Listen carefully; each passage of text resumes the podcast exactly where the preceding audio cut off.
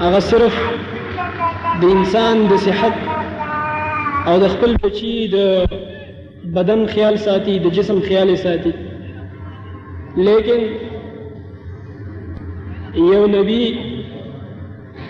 هغه په دنیا کې هم د خپل امتی خیر خواهی غواړي او په آخرت کې هم یو نبی دا غواړي چې زما امتی جنت ته تلو والا لاړ شي جنت ته تلو والا جوړ شي لیکن همدغه انبیا چې ډېر رحم دل دي همدغه پیغمبران چې څومره دنیا ته راغلي دي او خپل امت باندې ډېر زیات شفقت کړی دی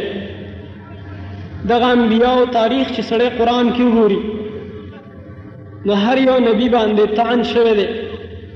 هر یو نبی ته کنزل شوی دی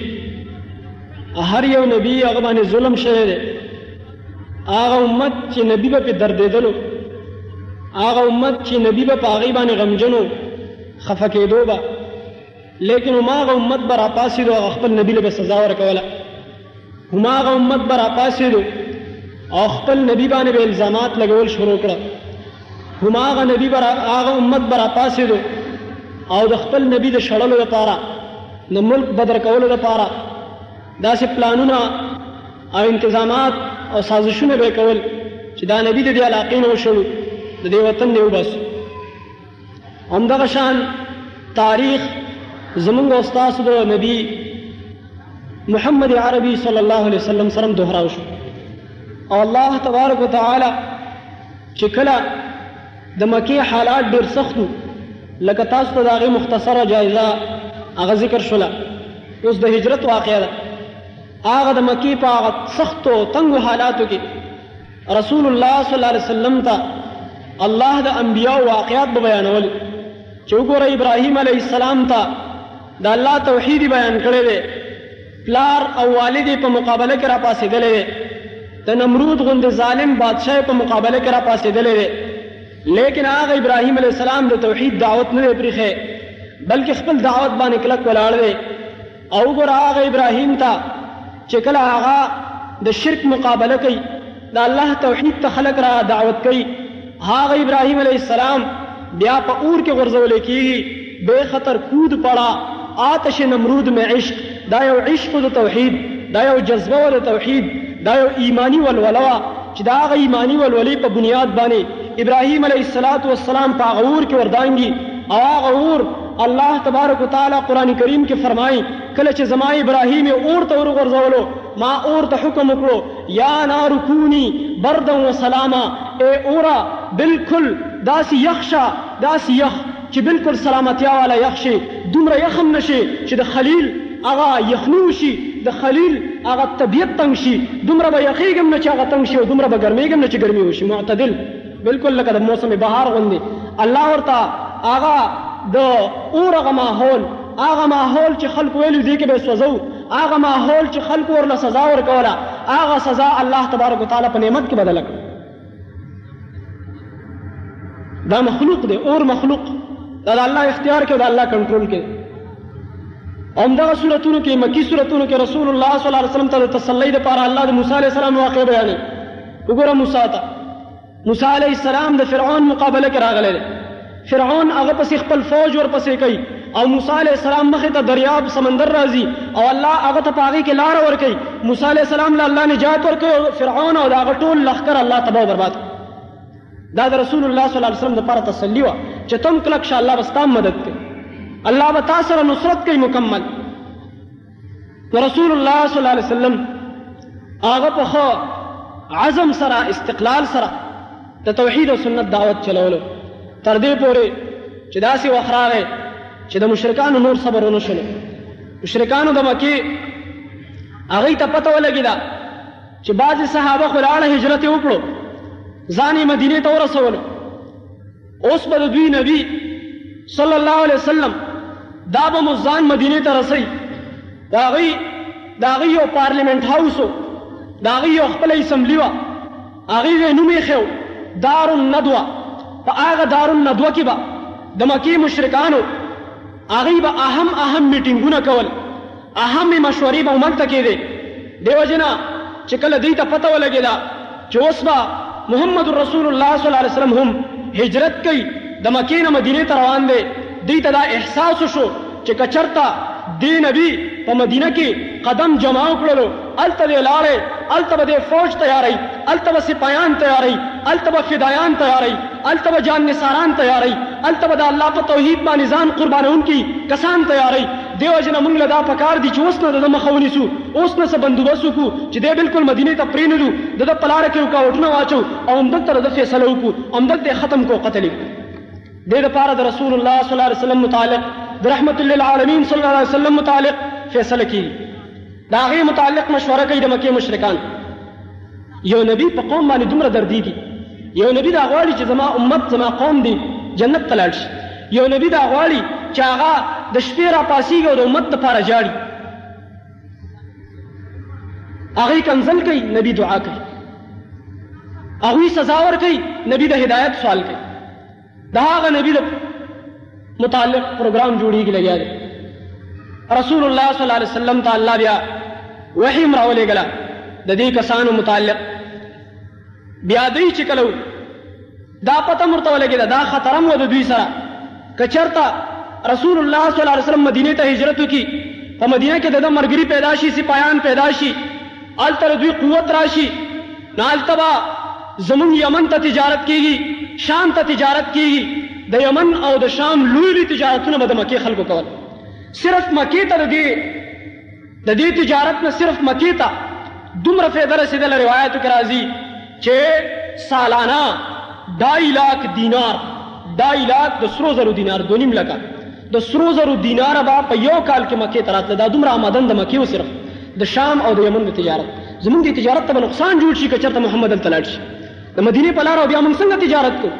امن به نه چین او سکون به نه او لا د طایف او نور علاقې خو څه کې د هغې خو بیل آمدن مشرکانو سره دا یو خطر وه چې چرته مدینه ته لانړ شي ګینه حالات به خراب شي لار کې به رکاوټي زمونږ سفر ته به نقصان ورسیږي زمونږ تجارت ته به نقصان ورسیږي اقتصادیات ته به نقصان ورسیږي او بیا هغوی راجمع شول او د دې مشرکانو یو څو سردارانو لوی لوی دار الندوه ته راغه دغه د مشرکانو چې کوم پارلیمنټ او هغه کې راجم شول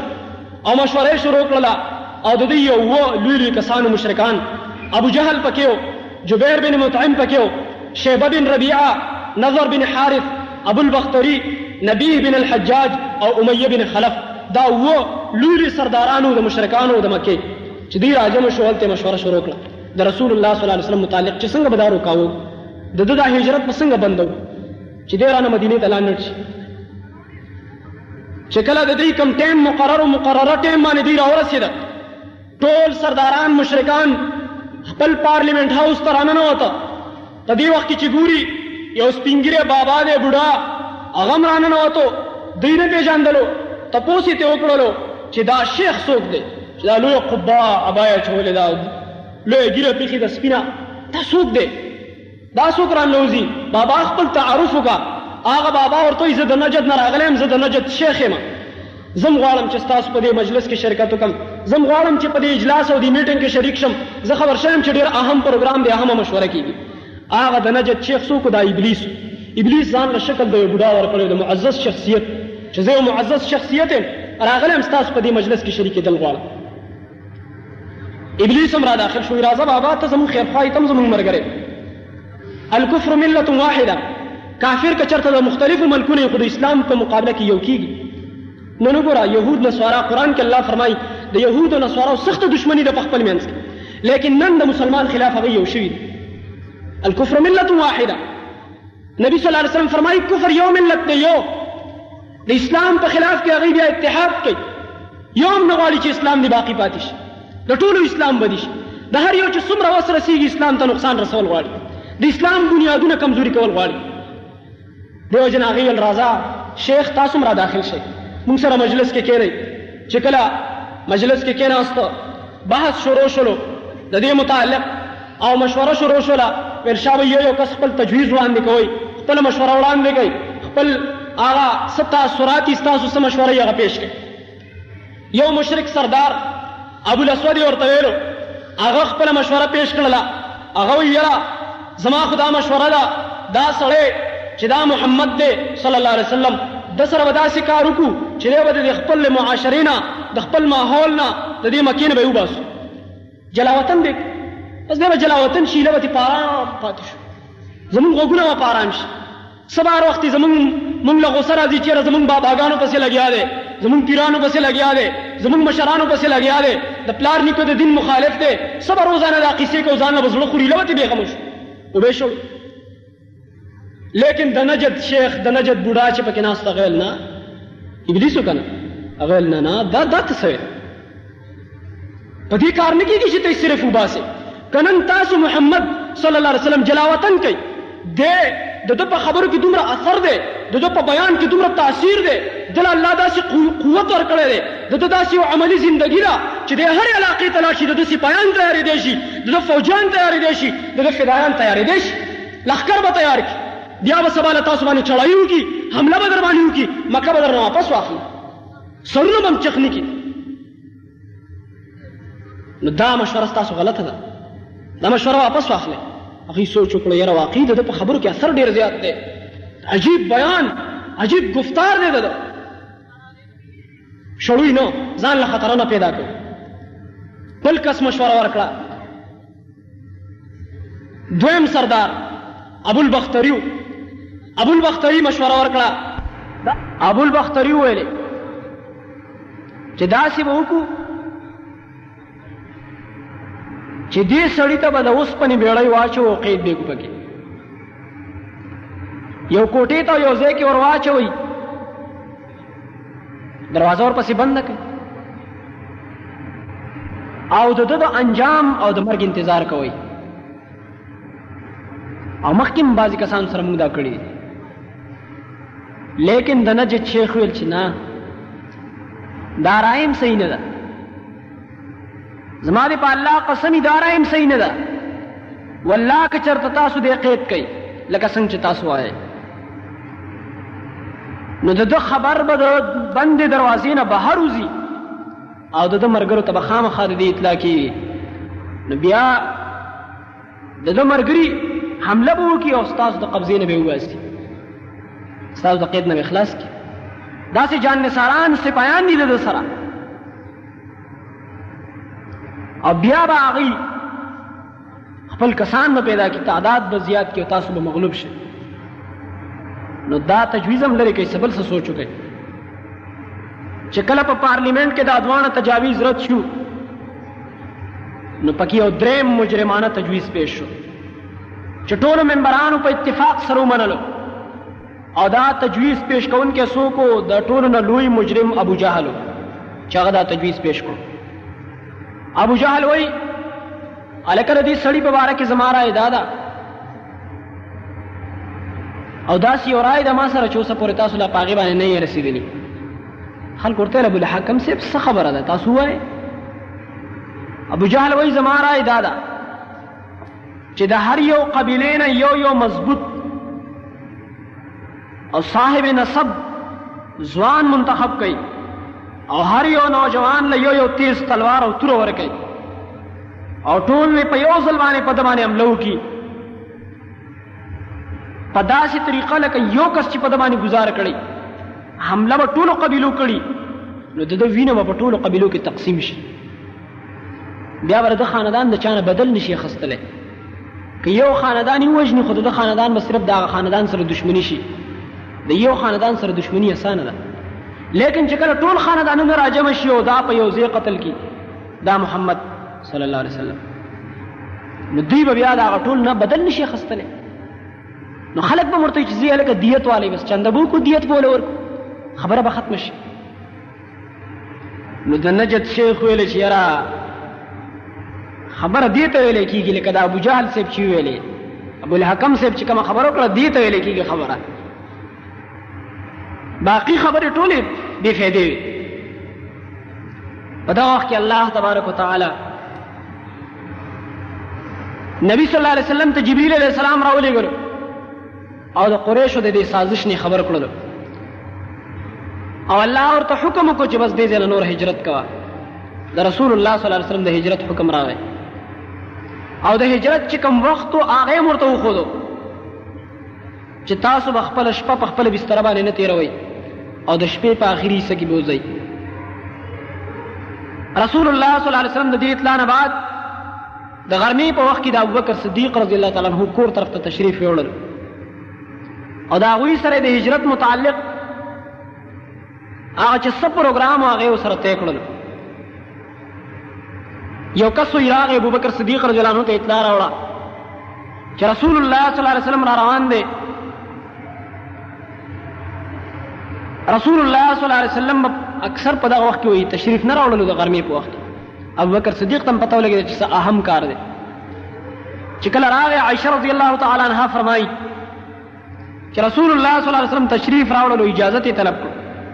ځکه یو کور ته د ننوتو طریقه دا ده چې اول به اجازه غواړي بې اجازه ته به نه ننوځي رسول الله صلی الله علیه وسلم له اجازه ورکړې شو را داخل شو ابو بکر صدیق رضی الله تعالی عنہ ته فرمایل که څوک نو اخوا یې کا څه خاص مشوره مې ده در سره او بکر صدیق ورته نه څوک نشته دی اے د الله رسوله رسول الله صلی الله علیه وسلم ورته فرمایل چې ښا ما ته خو بس د رخصتۍ اجازت ملاو شو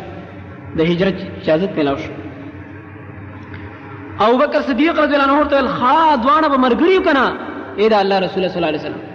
زما مور او پلار دې په تاسو قربان شي رسول الله صلی الله علیه وسلم ورته فرمایل او دواړه به مرګري ان شاء الله د هجرت پروګرام برابر کړو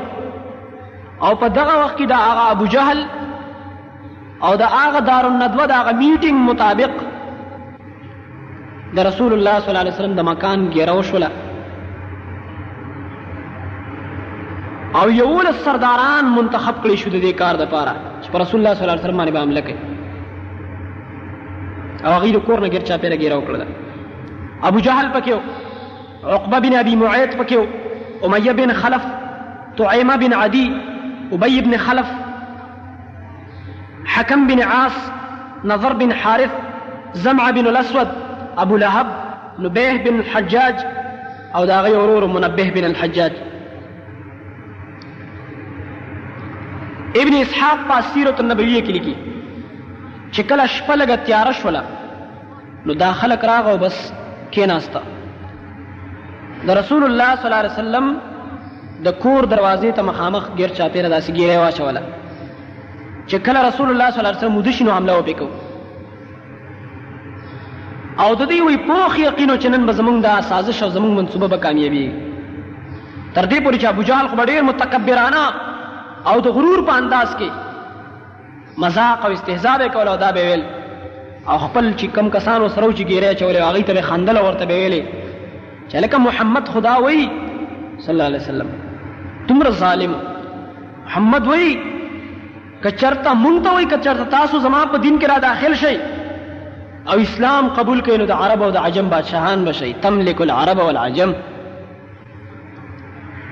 او محمد خبرې کوي چې تاسو مړ کېږئ او بیا به راژوندي کېږئ او قیامت به او جنتونه به باغونه به او که چېرته تاسو اسلام ته را داخل نه شوئ نو بیا به زه تاسو ذبح کوم الله به اسلام په تاسو غالب راولي او بیا به تاسو د مرګ نه بعد دوباره راوچتېږئ او الله به دله عذاب او جهنم درکوي دا کمې خبرې دي نن به پته لګي مړه دا به ابوجهل خندا کوله نن به پته لګي نن به پرې مونږ غالب راځو بهر حال د سازش د عملی کولو لپاره د نیمې شپې وخت دوی مقرر کړی چې نیمه شپه پې ورځو دوی ټوله شپه شوګیره تیره کړله انتظار یې کو لیکن الله تبارک وتعالی غالب ذات دی په خپل کار باندې هغه ذات چې د هغه په لاسونو کې د ځمکې او د اسمانونو بادشاهي ده ان الله على كل شيء قدير هر یو څیز قدرت والا ذات او څه چې غواړي هغه کیږي دیو جنا الله تبارک وتعالى په دې موقع باندې رسول الله صلی الله علیه وسلم ته خطاب کوي او دغه موقع باندې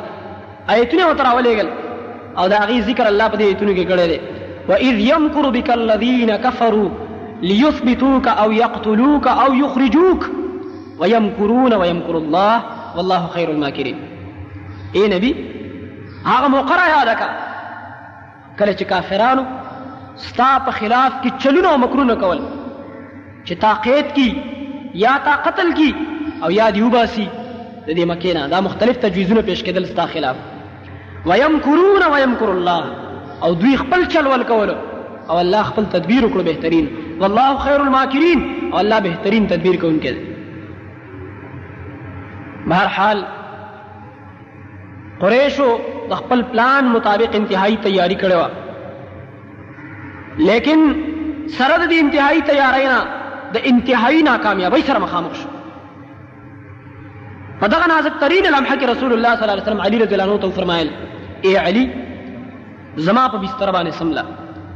او زما چې کوم صادر دی حضرمی حضرمی صادر د یمن د حضرموت د یمن جنوبي طرف ته یو علاقه ده جنوبي یمن کې دا د هغې ځای نه صادر راوړی شوی د رسول الله صلی الله علیه وسلم صادر دا زما حضرمي صادر واچوه په ځان باندې اوده شه او تا ته به د دشمنانو د لاسه هیڅ نقصان الله نه پېښوي الله به دې حفاظت کوي رسول الله صلی الله علیه وسلم همدغه څادر اچولو د کېدو به پکې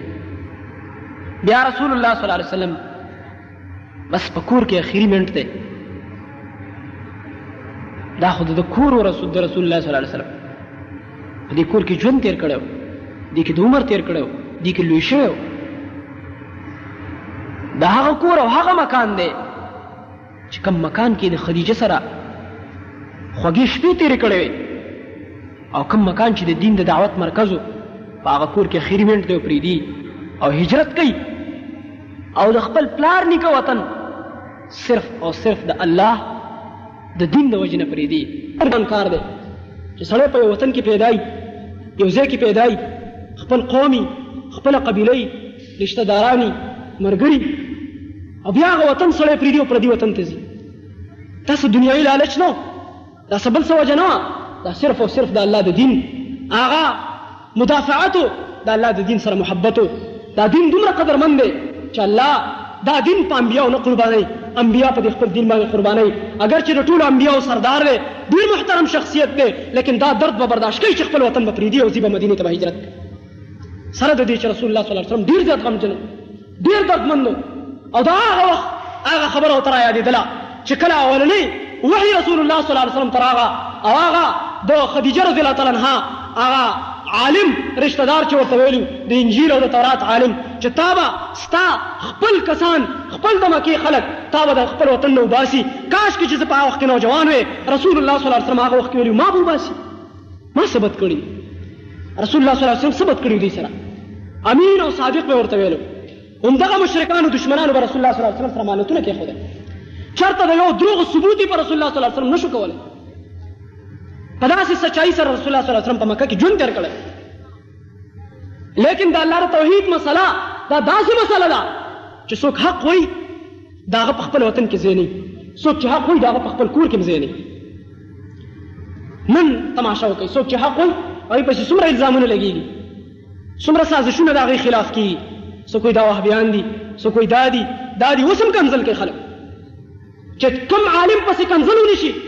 کومه ډله پسې بد رد ونه ویلی شي پوه دې شي چې ما حق نه دی ویلی چې د خلکو زړه ساتي د بنده زړه ساتي د بنده بنده شي د بنده غلام شي هغه حق نشي ویلی طمع او لالچ چې چانه ساتي طمع او لالچ د علماو په خلو باندې تالې ولګولې درې طبقې دي عبدالله ابن مبارک وایي چې هغوی دین ته نقصان رسولی دی وهل افسد الدین الا الملوک واحبار سوء ورهبانها درې قسمه خلک دي چې هغوی د الله دین تباه کړو هغوی د الله د دین جنازه وښکل وهل افسد الدين الا الملوک د دین تباهی نه کړی مګر بادشاهانو یو بادشاهان د دین د دین سره نه لګي خلاف سازشونه کوي اسلام خلاف واحبار سوء او ناکاره مليان ورهبان او دا پیران دوی همیشه د دین جنازه ایستلې ده دوی همیشه د دین خلاف منسوبې کړي او سازشونه کړي اوس هم کوي قرآن او حدیث دعوت د قرآن او د حدیث خبره به د خولې نه وانه وري ټول د شرک دعوت د ګندګۍ دعوت او د عقیدې د فساد د فساد دعوت به ورکوي نو د رښتوني سړي په یو ځای کې هم ځای نه په خپل کور کې هم ځای نه هغه یو ګنجی و یار چا به والو روزانه به چې مور کتل په ژړا به کور ته را روانو مور ته وایي تپوس وکړو چې دا ولې چې ګورو تا خلک وایي روزانه دې وایي په ژړا را روانو کور ته وای مورې زه رښتیا وایم ځکه مې خلک وهي وای دا ته څه قمقلې ته رښتیا وایې او خلک دې وهي وای مورې که زه اوس تا ته رښتیا وایم ته مې هم نه پرېږدې په دې کور کې اوس څنګه رښتیا وایې او زه به دې نه پرېږدم وای مورې زما پلار خو مړ دی دا شونډې چا ته سرې کړې هغې مور پس چپړه راواخیسته او ډانګې ورپسې راواخیستو یو څو ګزاره یې پرې وکړه نو بار وتښتېدو ما درته نه ویل چې اوس رښتیا وایم نو ته مې هم نه پرېږدې رښتیا چې وې په یو ځای کې به دې څوک نه پرېږدي نن هم چې څوک حق مسله کوي د الله کتاب او د نبی صلی الله علیه وسلم حدیث بیانوي صفا هغه دین چې ابوبکر پرې عمل کړو هغه دین چې د هغې په وجه دغه صحابو مکه پرېښودله هغه دین چې نن هم بیانې ستا خلاف به کېږي دا شرط لري چې مخالفت دې ونه شي، کومه اوسپنه چې ونه ټکېږي، کومه اوسپنه چې ګوزارونه ونه خوري، کومه اوسپنه چې د ویلډنګ هغه ګرم ګرم اور برداشت نه کړي، هغې کې کمال نه شي راتلی. یو ګېټ چې د ګېټ کار کوي، یو مشین چې د مشین کار کوي، یو لوډ سپیکر دا دا چې کوم سټینډ دی دا که دا فایده ورکوي دا هله ورکوي چې دې ګوزارونه خوړلي دې د څټک ګوزارونه خوړلي دې ویلډنګ برداشت کړی دی دې سختي تېره کړې ده ځکه داسې کمال ته رسېدلی دی دغه شان مؤمن هله د ده ایمان مکملېږي، هله دی پوره مؤمن جوړېدای شي، چې کله دی سختیانو تېرې کړي، د الله د دین په وجه ده ته کنځل وشي، په ده فتوې ولګېږي، دی د کلي نه وشړلی شي او قام، قبیله او د علاقې خلک او مختلف خلک په ده باندې فتوې ولګوي او ټول خلک یې مخالف شي، هله ایمان مکملېږي، دې نه بغیر د ایمان تکمیل دا د یو سړی تمه نه کوي. دیو جن رسول الله صلی الله علیه وسلم ته الله فرمایي دا تکلیف به تیرې دا سختی به تیرې ابو بکر ته به هم تیرې عمر ته به هم تیرې عثمان ته به هم تیرې اگر چې عثمان ته دومره مالدار چې په دې مکه کې ستا عمره مالدار نشته دی ته دومره مالدار چې ستا یو ډیر بین الاقوامي تجارت دی دا خپل تجارت بم پرې دی دا بم ترک کې دا الله په دین باندې قرباني کې دا الله د دین لپاره هجرت عثمان روان دی عمر روان دی، ابوبکر روان دی، پټي پاتې شو، کورونه پاتې شو، جیداد پاتې شو، ملګري پاتې شو، خپلوان پاتې شو، ټول روان دي. رسول الله صلی الله علیه وسلم هم تیاری وکړله او الله ورته وفرمایل چې بس ځه اوس نور خپل کور پرېږده.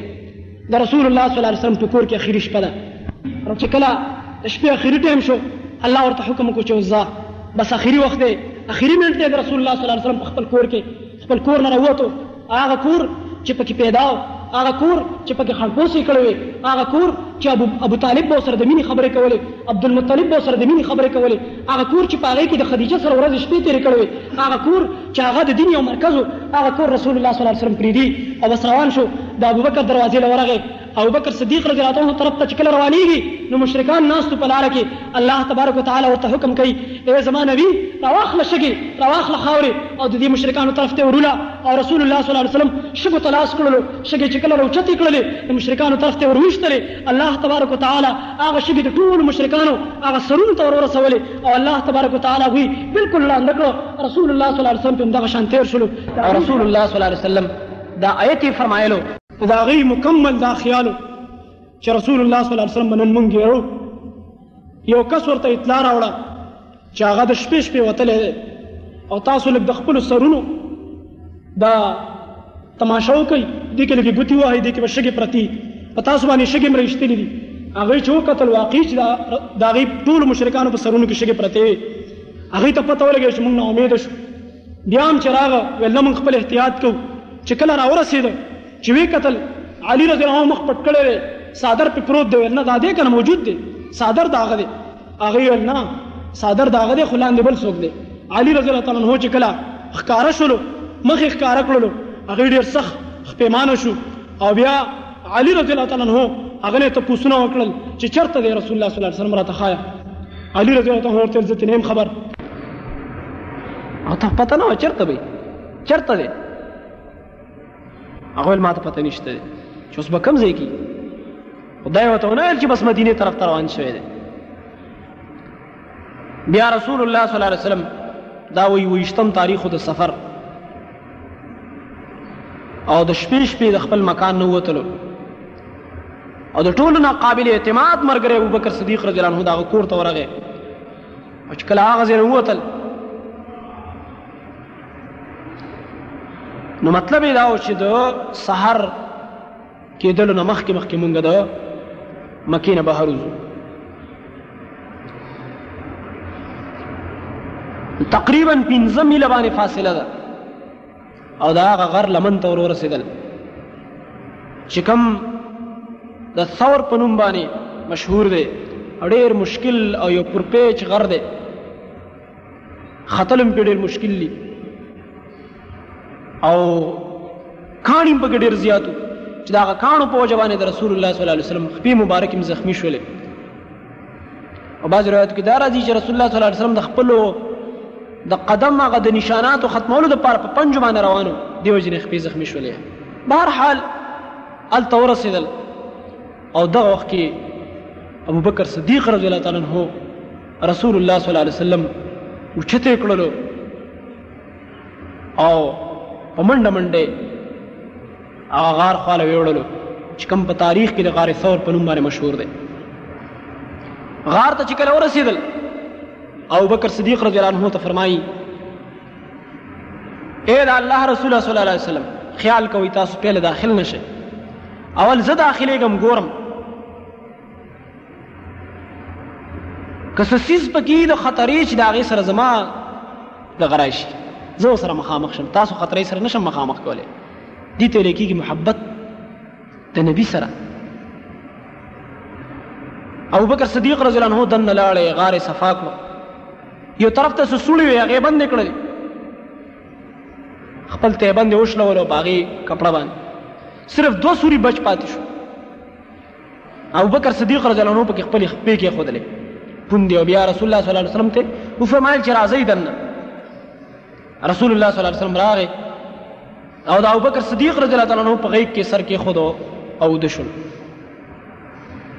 ابوبکر صدیق رضی الله عنه په خپل باندې سشي ول ټک ورکړو لیکن محبت ته ګوري محبت ته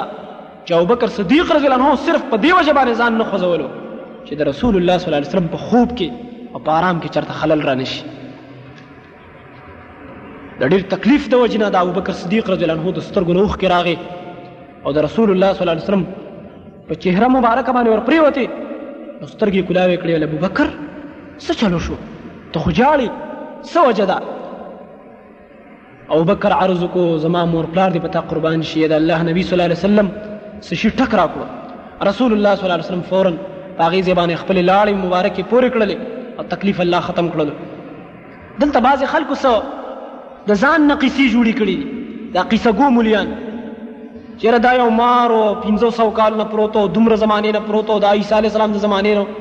څوک یو قصه کې څوک بلا او هغه مار ویل چې تا زما ملاقات د رسول الله صلی الله علیه وسلم سره بند کړو ځکه مې وچیچلې زه د په انتظار ناست ګور ماران مې علم الغیب جوړ کړي داسې ظالمان دا ټول خبرې د دروغ دي دا چرته یو صحیح روایت کې نشته لري ځان نه ډګوسلې دا خلک جوړي دیو جن موږ دا ضروري وګڼل چې دا صحیح سیرت خلکو ته بیان چې کوم صحیح سند سره ثابت دي چې هغه درته بیان نو دغه د مار کیسه چیرې مار به ټیک د ټک ور کړو لیکن دا نشته چې ما خبرې وکړلې او دیدن ته ناست یم او دا ناست یم هغه دا پکې نشته دی دا ځان نه خبرې دي مولیان ته بل څه نه میلاوېږي رښتیا ورسره نشته نو خامخا به دروغ وایي دا خو مجبوري ده چا سره رښتیا نه نو څه به وایي هلکه دروغ به نه وایي خامخا به دروغ وایي بیا درې شپې رسول الله صلی الله علیه وسلم بکر صدیق رضی الله تعالی عنہ په دې غار کې تیر کړې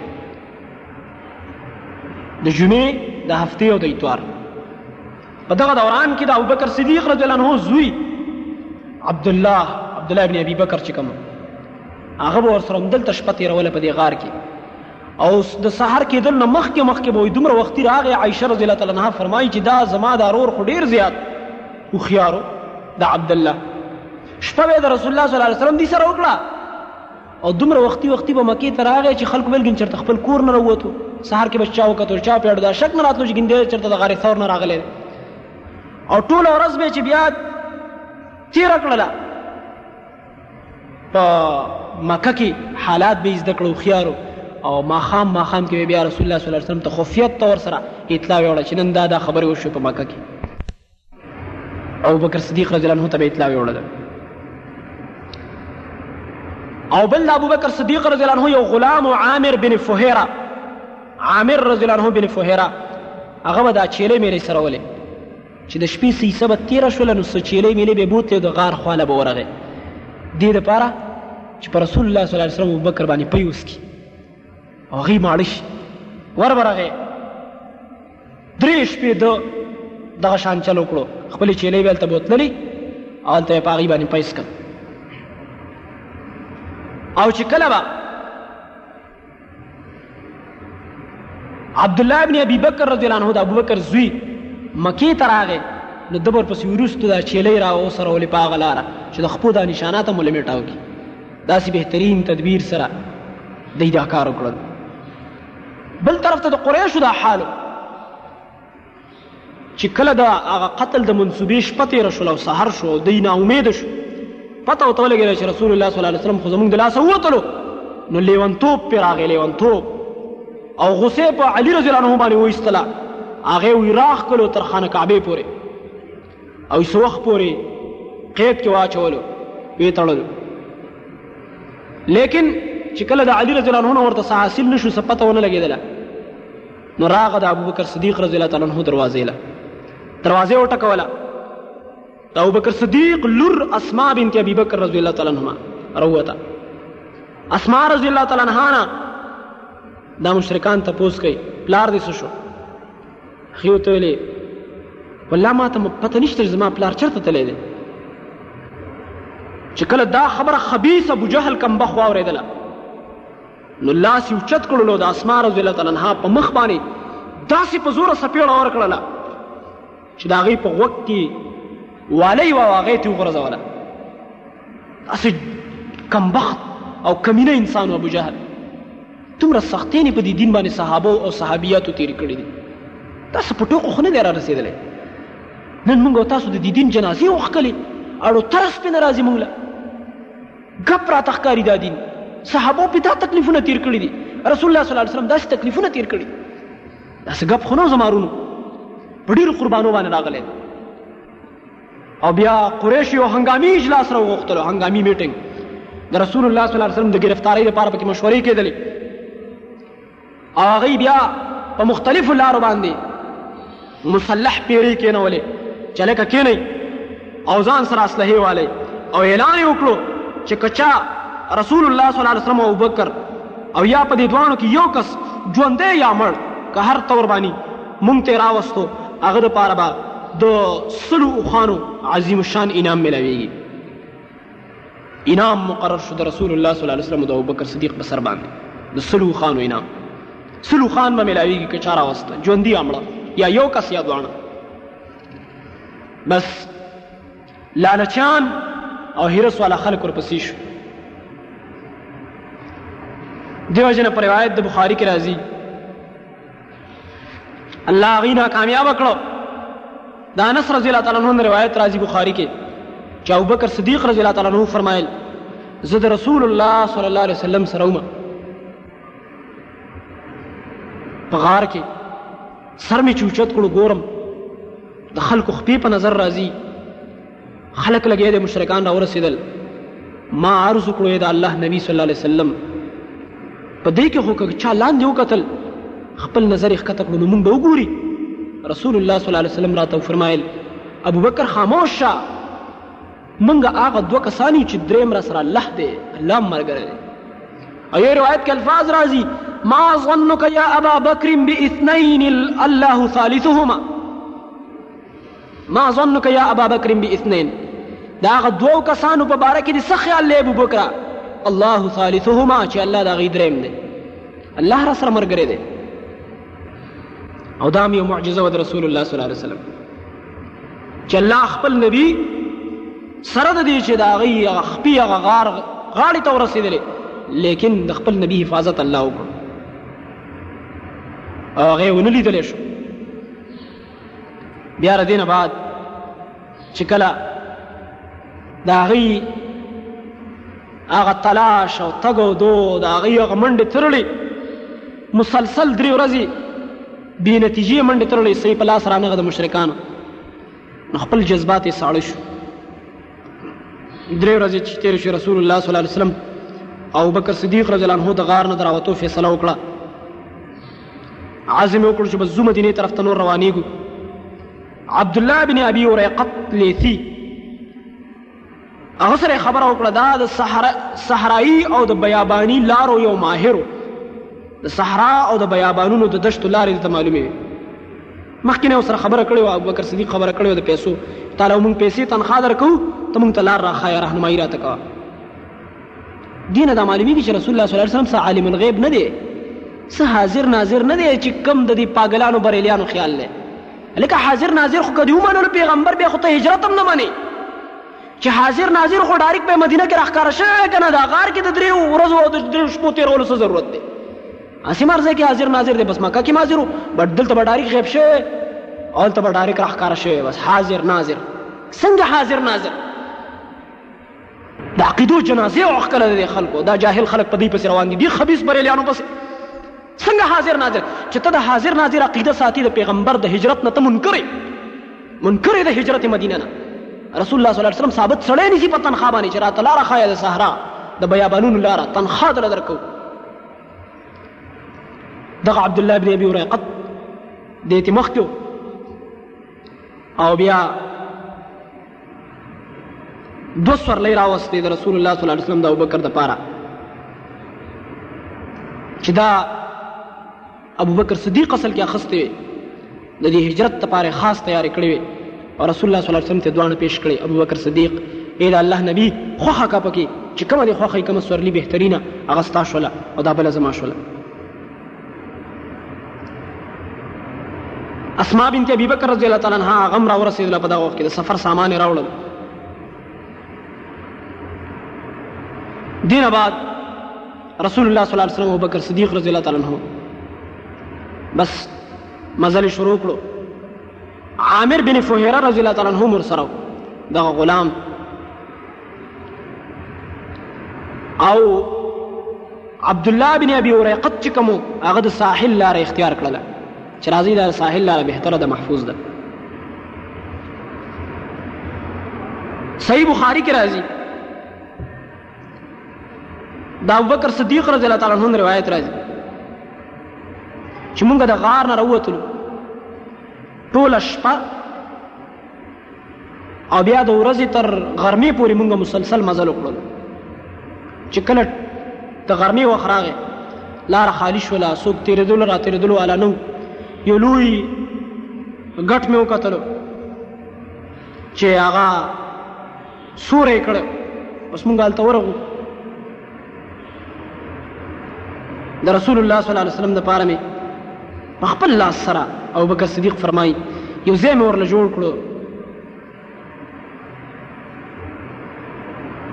او بیا مې ورته عرض وکړو چې د الله نبی صلی الله علیه وسلم تاسو لږ وده شئ ارام وکړئ او زه به لږ د دې ګر چاپېره د حالاتو اندازه واخلم د رسول الله صلی الله علیه وسلم د حفاظت غم ورسره دی رسول الله صلی الله علیه وسلم وده شولو زه د ګر چاپېره د حالاتو معلومولو لپاره ووتم اچانک مې چې وکتل یو چیلۍ سره اونکې سړی زمونږ طرف ته را روان دی هم د دې کاڼي طرف ته او د دې لوی ګټ خواته مام دا سوچ وکړو چې را دیم لکه چې دی سوري لره روان دی را نږدې شو ما ورته نوجوان د کوم ځای هغه د مکې یا د مدینې د یو سړي ذکر یې وکړلو چې را د دغه ځای سره زما تعلق دی ما ورته دا تا سره چیلې دي سپۍ پکې شته که نه هغه ویل او اجازت مې ته دا لوشلو وغوښتلو ویل بلکل لوشلی شي او بس بیا مې پرې مې راولوشل رسول الله صلی الله علیه وسلم کله بیدار شلو نو بیا مې د هغې نه بعد پرې مې ورته پیش کړل رسول الله صلی الله علیه وسلم ته مې ویلې اې دا الله رسول صلی الله علیه وسلم وسکئ په یې وسکل ډېر زیات خوشحاله شو بیا یې وفرمایل آیا دغه وخت نه دی ځو نه ما ورته ویل ولې نه ځه چې ځو بیا موږ روان شو بیا په همدې سفر کې په لاره کې دوی تیرېدل په لاره کې یو خیمه وکتله هغه خیمه د یو زنانه وه ام معبد رضی الله تعالی عنها د خزاعه قبیلې زنانه وه ام معبد خزاعیه رضی الله تعالی عنها دا یو ډېره زیاته تندرسته زنانه وه دا به دلته ناسته وه د دې خپلې خیمې په غولي کې او چې کوم کسان به په لاره تېرېدل لا تېرېدل په هغې باندې به خوراک څکلو اوبه خوراک به پې خوړلو اوبه به یې پې څکلې یو مېلمه دوسته زنانه وه چې کله دوی تېرېږي په دې لاره ابوبکر صدیق رضی الله تعالی عنه رسول الله صلی الله علیه وسلم رسول الله صلی الله علیه وسلم زنانه تپوس وکړو څه شی در سره شته هغه زنانه خو ورله جواب ورکړو قسم دی که زما سره سوی ستاسو په میلمستیا کې ما څه تنګي بیا نه کوله چیلې مې لري دي ډېرې زیاتې کور نه بار د سر د پاره ویستلی شوي دي او دا وي د قحط زمانه وه د تکلیف زمانه وه په دې وخت رسول الله صلی الله علیه وسلم چې کله یو قتل د دې خیمه یو طرف ته داسې یو چیلې وی ولاړو رسول الله صلی الله علیه وسلم ته فرمایل چې ام معبد دغه چیلې څنګه چیلې ده دې دې نوم تاسو کړی دی رسول الله صلی الله علیه وسلم زنانه نوم واخستو ځکه چا سره چې پیله ملاقات کې ادب دا دی نوم ته پوښتنه وکړه تاسو نوم دی نو هغه وتل چې دغه چیلې چې کوم ده دا خو د ډېرې کمزورۍ نه د هغه دغه نه پاتې شوی د رمې نه پاتې شوی چې هغې سره مزل نه شو کولی سر لم نه شي تللی دومره کمزورې ده دا خو بلکل اوچه ده ختمه ده رسول الله صلی الله علیه وسلم دې تپوس وکړو سه پي پکې شته هغه حیران شول هغه چې پي لا سکه دا خو دا بغیر دا غینم ډیره کمزوره ده د پي لا سکه چې هغه تلې نشي بلاره د خپل ډلې نه پاتې شوې ده رسول الله صلی الله علیه وسلم ورته وفرمایل اجازه شته ویلو شم هغې ورته ویل زما مور پلار دی په تا قرباني که تا ته پکې څه پی ښکاري خو ویلو شه یعنی یقیني نه و هغې ته خو پته وه چې دې کې پی نشته دی رسول الله صلی الله علیه وسلم چې کله وله چینۍ راوستې شوه لاس یې پرې راښکلو د الله نوم یې واخیستو بسم الله او دعا یې وکړله بس څه شی بیا دا مې یو معجزه وه د رسول الله صلی الله علیه وسلم پوره پی راغو او د ام معبد رضی الله عنها سره یو لوی لوخه په کور کې چې هغه سړي د ډیرو کسانو د پاره کافی کېدلو ډیرو کسانو هغه نه پیس کلی شو دومره پي راول وشل شو چې د پاسه په زګو درې دل داسي الله اکبر بیا د هغې نه بعد ام معبد رضی الله عنها باندې په وسکل هغه ځان مړ کړل چې کوم مرګري واغې باندې مسکل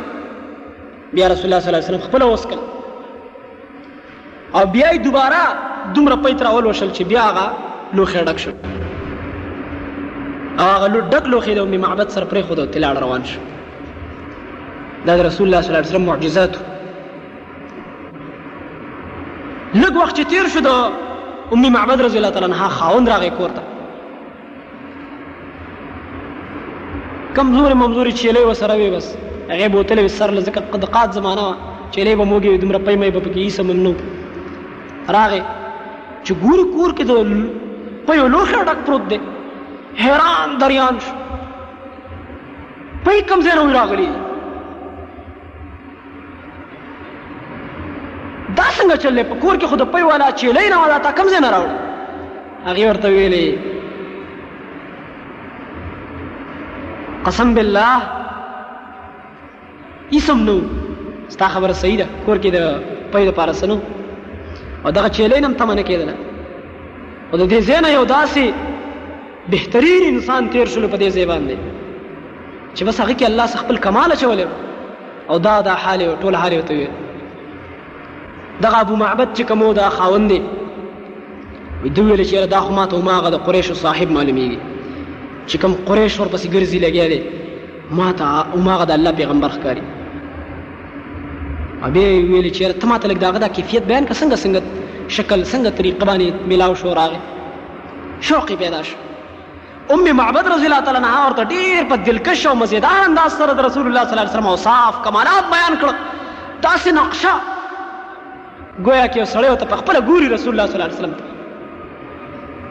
اوه بیا ابو معبد ویلې الله زمانه په الله قسم دا ما غ صاحب قریش دی چې خلک داغه په باره کې قسمه قسم خبرې کوي او خلکو بدنام کړي دي او زما اراده دا ده چې زه داغه ملګرتیا اختیار کړم او که سلار راته ملاو شول نو ضرور به دا کار کوم دی بیا اسلام راوړی مسلمانان شوي دي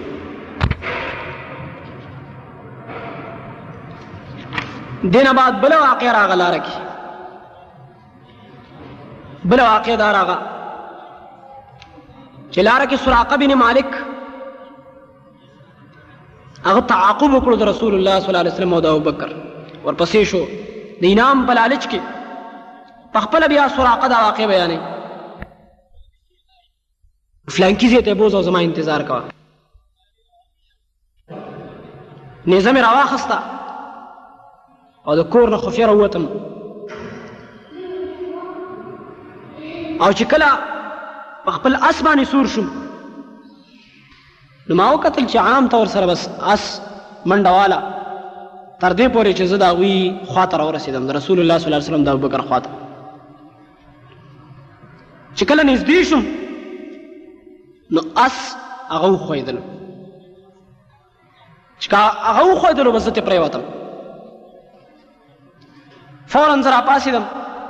ترکش ته مې لاس کړ چې په هغې کې څه غشو قسمت مې پکې معلومول دا د مشرکانو ګنده عقیده وه چې هغوی به په غشو باندې قسمتونه معلومول لکه اوس خلک په طوطیانو معلوموي څوک فال ګوري قسمت معلوموي دا شرک دی دا ناروا کار دی هغه کې په غشو معلومول ما خپل قسمت معلومولو چېرې زما قسمت ښه دی او که خراب دی دوی ته څه ضرر رسولی شم او که نه نو هغه غشی راووتو چې زما خوښ نه و بیا به اس باندې سور شو تر دې پورې دومره نږدې شوم چې ما د رسول الله صلی الله علیه وسلم قرائت اورېدلو خبرې مې اورېدلې او بکر صدیق رضی الله عنه بار بار روستو قتل رسول الله صلی الله علیه وسلم نه قتل په دغه وخت کې بیا زما د اس مخکنۍ دوه خپې په ځمکه کې ښخې شولې تر دې پورې چې اس تر ګوډو پورې ښخ شولو او زه ترې بیا را پرېوتم ما غوسه وکړله خپل اس ته او را پاسېول مې وغوښته د هغې لیکن په مشکله سره هغې د خپلې خپې وایستلې یو دوړه راووته د هغې د خپو نه د هغې نه بعد میا بیا مې اواز وکړو رسول الله صلی الله علیه وسلم ته او بکر صدیق ته هغوی ودرېدل او ماته امان طلب کړل چغه مې ورته وواله او ما ته پته ولګېدله چې د رسول الله صلی الله علیه وسلم دی به الله غالب راولي او د ده معامله غالبه ده ځکه نشم غالب کېدلی بیا ورغم رسول الله صلی الله علیه وسلم مې ټولې خبرې نه خبر کړل چې ستاسو په سر باندې داسې انعام مقرر شوی دی او د خلکو دا د عزایم دي ستاسو په باره کې ما له سامان ورکوله مو غوښتل پیشکش مې ورته وکړو لیکن هغوی زما هېڅ سامان وانه خستلو او نه یې رانه بل څه تپوس وکړلو صرف دومره یې راته وویل چې یاره زمونږ متعلق رازدارۍ نه کار واله چاته به حل نه وی ما ورته ویل ته زما باره کې د امن لیکلو کا چې ته مال امن راکې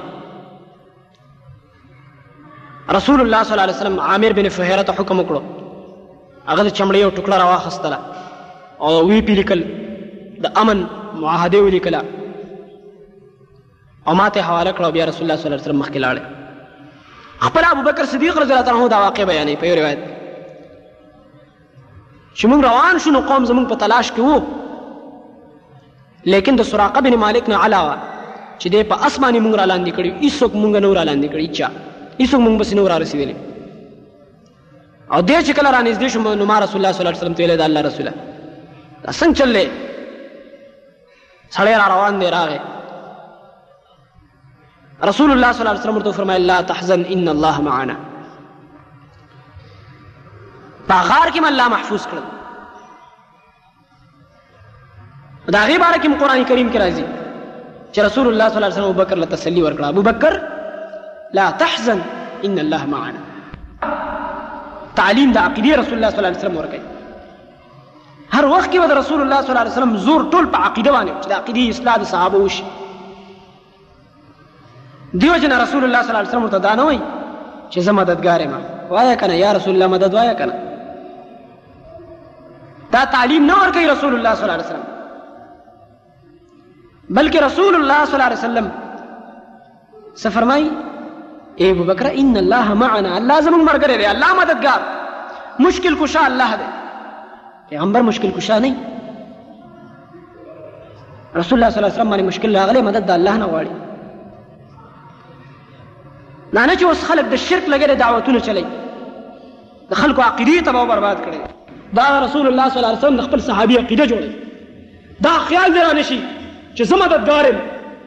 دا ورته نه وایي چې ته یا رسول الله مدد وایا لکه د بریلیانو غوندې چې هغوی یا رسول الله مدد چغې وایي رسول الله صلی الله علیه وسلم ورته دا نه وایي چې ابوبکر زه دې خوا ته ناست یم بیا څه نه یارېږي نه د الله نبی نبی دی او د نبوت په شان کې دا نشته چې هغه دې مددګار هم شي هغه دې د الله د کارونو کې څه برخې والي دا نشته د الله یو خپل نظام دی د الوهیت یو خپله دیره ده هغه دیرې ته نبي نشي داخلې دی دا اوس هسې اوتې بوتې یا رسول الله یا رسول الله فضول چغې وي او شیعګان یا علي مدد چغې وي دلته په شیعګانو باندې مرد راځي په دې واقع کې هلکه که علي مددګاري هغه علي مشکل کشا دی علي مشکل کشا دی هغه مددګار دی مونږ وایو چې علي مشکل کشا دی علي په بستر باندې ولې پروت دی په کار خو به علي له وجدا سره تللی وي علي په بستر پروت دی او رسول الله صلی الله علیه وسلم په تکلیف کې روان دی ابوبکر ځان سره مرګ کړو دا څنګه علي مشکل کشا دی علي د الله یو بنده دی رسول الله صلی الله علیه وسلم د الله بنده دی رسول الله صلی الله علیه وسلم فرمایي زه اول د الله بنده یم یا رسول په حدیث راځي یو ورځ یو صحابي د شهادت کلمه ویله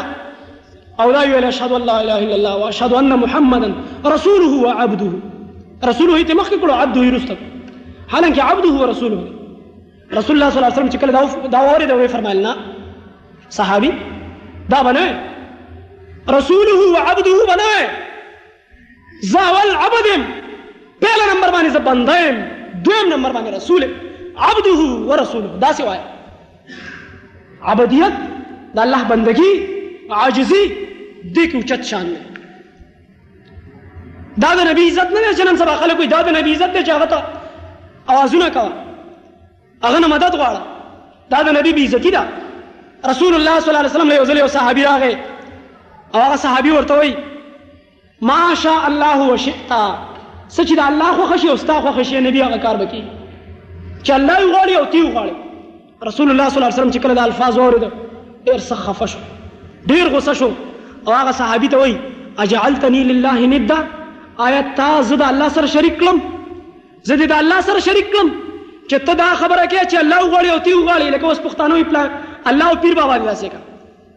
الله او پیغمبر دې داسې کا یا په ګاډ باندې لیکلي الله نبی وارث ته الله سره نبی او ذکر رسول الله صلی الله علیه وسلم په دې باندې ډیر سخف شو هغه صحابي ته دا بنه آینده آینده کې به صرف دا وي صرف چې دا الله خوښ شي